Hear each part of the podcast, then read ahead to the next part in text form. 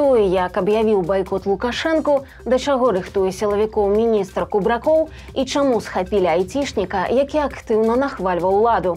А таксама новая порцыя пазітыву ад легендарнага маляваныча. Вітаем сябры гэта наша ніва і зараз мы ўсё вам раскажам. Пасля дня маўчання лукашенко аб'явіўся на кліматычным саміце ў дубаі. Там ён ужо паспеў пабачыцца з кіраўнікамі афрыканскіх краін, а таксама перакінуўся слаўцом і з прэзідэнтамі Азербайджана і Сербіі. Прапаганда вельмі імкнецца падаць гэта як сапраўднае прызнанне і поспех. Маўляў, якая міжнародная ізаляцыя вы паглядзіце, як прымаюць лукашэнку. Да яго ж чарга стаіць. Але ж тут больш важна, хто менавіта стаіць у той чарзе. А стаяць у ёй знаёмыя ўсім краіны. Экватарыяльная гвінея, Зімбабве, Бацвана, Кенія і гэтак далей. Ну і сваё стаўленне да лукашэнкі прадэманстравалі краіны суседкі беларусі. Прэзідэнты польшчы літвы і латвіі прынцыпова не ўдзельнічалі ў агульным фота кіраўнікоў дзяржаў. Такі байкот яны адкрыта патлумачылі прысутнасцю лукашэнкі і яго саўдзелам у вайне. Як заявіў літоўскі прэзідэнт науседа цытата гэта называется сямейным фота але лукашенко не належыць да той сям'і да якой мы хочам належаць канец цытаты Лукашенко сваю чаргу ад агульнага фота адмаўляцца не стаў, але тут паказальная яго кампанія. Вось Лукашенко справа ўнізе зноў жа ў атачэнні сваіх афрыканскіх сяброў. Таксама Лукашенко нават выступіў на гэтым саміце. У сваёй прамове, як мы і прадказвалі, ён паскардзіўся на санкцыі. Маўляў, Беларусь гэта ж лёгкія Еўропы, а Еўропа з намі вось так. Праўда, тут дадаму, што санкцыі гэта ж адказ на канкрэтныя рэчы, рэпрэсіі і вайну. І як пазбавіцца ад іх зразумела ўсім.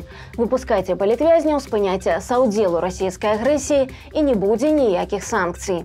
І сам Лукашенко гэта таксама вельмі добра разумее. Так што тут яму варта б скардзіцца не на абстрактны захад, а на самога сябе. Ну, альбо хаця б на Пуціна. Пакуль Лукашенко ў эміратах за Беларусю прыглядваюць прэм'ер Галоўчынка і старшыня Савета Рэспублікі Наталя Качанова. Апошняя развіла надзвычайную актыўнасць. За два дні яна паспела і Лукашенко пахваліць і з сілавікамі пазасядаць. Учора Качанова выступіла перад работнікамі нафтана, якім расказала пра цяжкую долю Лукашэнкі. Вось вам цытата, разумеце яе, як хочаце. Некаму здаецца, што прэзідэнтам быць лёгка, паверце, гэта не праца, гэта жыццё, якое трэба аддаць сваёй краіне і свайму народу. І толькі тады будзе вынік. А калі лічыць, што гэта праца, то атрымліваецца, на жаль, так як у некаторых краінах. Канец цытаты. А як атрымліваецца ў некаторых краінах, чыноўніца так і не ўдакладніла. Сёння ж Качанова ўзяла ўдзел у пасяджэнні калегіі міністэрства ўнутраных спраў. Там галоўнай тэмай былі дэпутацкія выбары, якія пройдуць у лютым 24 -го года. Галоўная задача сілавікоў не дапусціць аніякіх пратэстаў. Пра гэта адкрыта сказаў міністр кубракоў. Карацей улады сілавікі па максімуму рыхтуюцца да магчымых праблем, што шчыра кажучы дзіўна, бо і раней у больш мяккія часы дэпутацкія выбары не былі нейкім трыгерам для масавых пратэстаў. Цяпер жа, калі ўсе гайкі закручаныя верагоднасць народных хваляванняў, дык і ўвогуле зведзеная да мінімуму.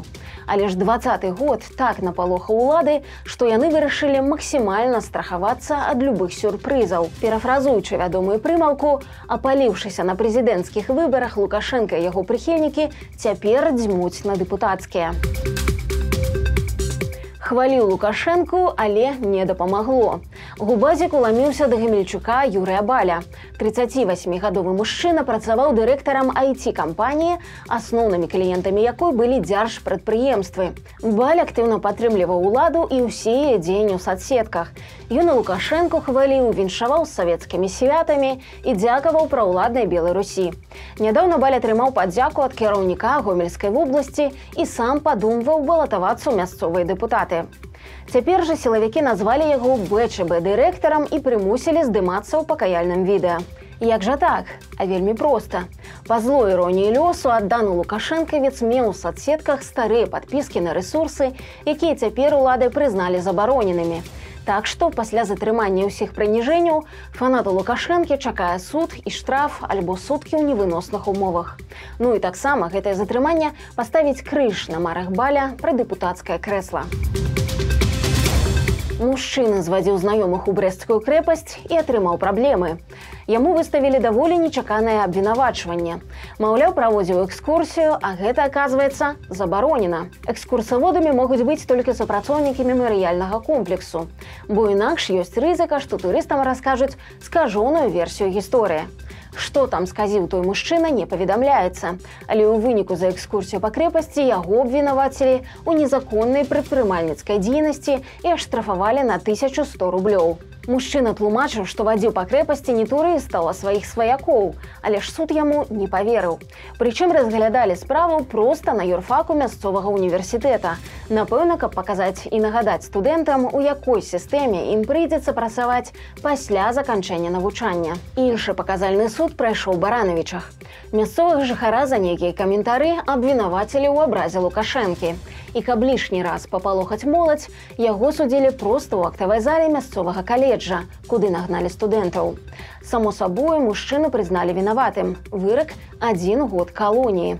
Просто на вачах студэнтаў на яго накінулі кайданкі і вывелі ў суправаджэнні міліцыі. Вось такая беларуская прафілактыка Таксама ў брэсце прайшоў хапун сярод студэнтаў. Затрымалі 15 чалавек у інтэрнатах правялі ператрусы. Чацвярых чалавек пакінулі ў ізалятары, астатніх пазней адпусцілі. Вінавацяць маладзёну ў распаўсюдзе экстрэмізму, нацызму і кантэнту для дарослых. Прасцей кажучы, у іх праверылі перапіскі і знайшлі да чаго прычапіцца. Затрыманыя цяпер чакаюць суда. Бязлітаснае каханне 71гадовая баранавіцкая пенсіянерка знайшла сабе кавалера ў інтэрнэце. Пачыналася ўсё прыгожа. Гэта казаўся трохі маладзейшы за яе амерыканец. Мужчына расказваў, што яму 58 гадоў і ён працуе доктарам у арганізацыі аб'яднаных нацый. Парачка перапісвалася некалькі месяцаў, доктар нават пачаў называць беларуску сваёй жонкай.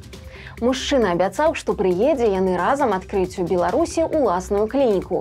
Для гэтага ён нават вырашыў пералічыць жанчыне буйную суму грошай, якія зарабіў ад апошняй пастаўкі медыцынскага абсталявання ў Турцыю. Каб атрымаць грошы, пенсіянерка мусіла перавесці 700 даляраў на спецыяльны рахунак. Так яна і зрабіла. Але як вы напэўна ўжо здагадаліся, гэта быў звычайны развод. Аказалася, што няма ані кахання, ані доктара, ані грошай.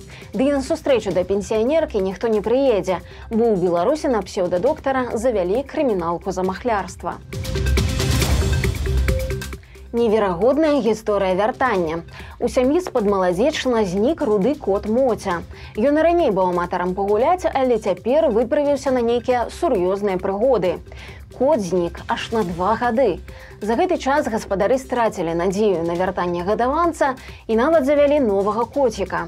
Але ж як высветлілася, трэба было проста пачакаць. Аднойчы раніцай муж выйшаў на двор і сустрэў там напаў жывога моцю. Падобна было, што кот прыйшоў па дапамогу, бо выглядаў вельмі дрэнна. У яго былі заплюшчаныя вочы, выдраны кол, практычна не адкрывалася сківіца. У першыя дні кот нічога не еў, ён мог толькі піць. Але дзякуючы лячэнню ветэрынара і клопату гаспадароў, кот паступова крыяў. Цяпер галоўнае пытанне, ці адважыцца ён на новы загул. Беларуская малочка і змея. У гродзенскім зоапарку показалі незвычайную працэдуру. Аказваецца, мясцовых змей купаюць у малацэ у самым прамым сэнсе. Па словах спецыялістаў такія малочныя ванны вельмі важныя. Яны патрэбныя, каб увелігатніць далікатную і адчувальную скуру рэптылей, якая можа пацярпець падчас лінькі. Вы не поверыце, але ў расійскім петербургу зноў згарэў беларускі аўтобус. Гісторыя трагікамічная, бо аўтобусы мас палыхаюць у рассіі амаль што кожны месяц. Асабліва часта яны загараюцца чамусьці на вуліцах Петербурга. Гэтая гісторыя дайшла нават да лукашэнкі. Ён, дарэчы, адразу знайшоў вінаватых, прычым на расійскім баку. Маўляў, усе праблемы ад таго, што расійскія спецыялісты проста кепска абслугоўваюць беларускія аўтобусы. У Беларусі правялі чатыры унікальныя аперацыі. У РНПЦ дзіцячай хірургіі чатыром малым пацыентам карэктавалі праблемы з сэрцам, а дакладней анамалію Эпштейна. Гэта вельмі рэдкі і небяспечны парог сэрца, які характарызуецца надзвычай высокай смяротнасцю. У працы ўдзельнічаў вядомы кардыяхірург са швейцарыяй прафесор Калангос. Адна з аперацый увогуле была зробленая ўпершыню ў гісторыі беларускай медыцыны. Усё прайшло добра, так што мы таксама спадзяёмся на лепшае і жадаем маленькім пацыентам здароўя.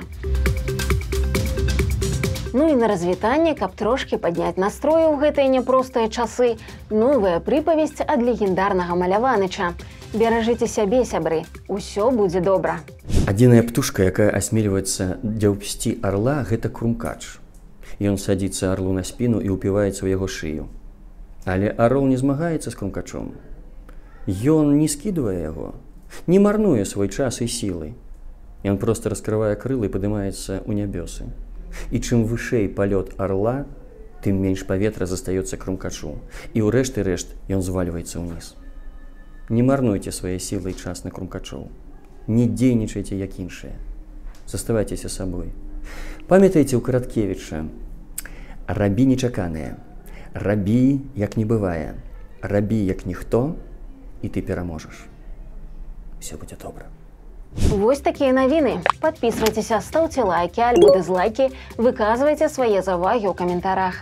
І, канечне, чытайце нашу ніво, глядзіце нашу ніву і любіце Беларусь. Добрых выходных.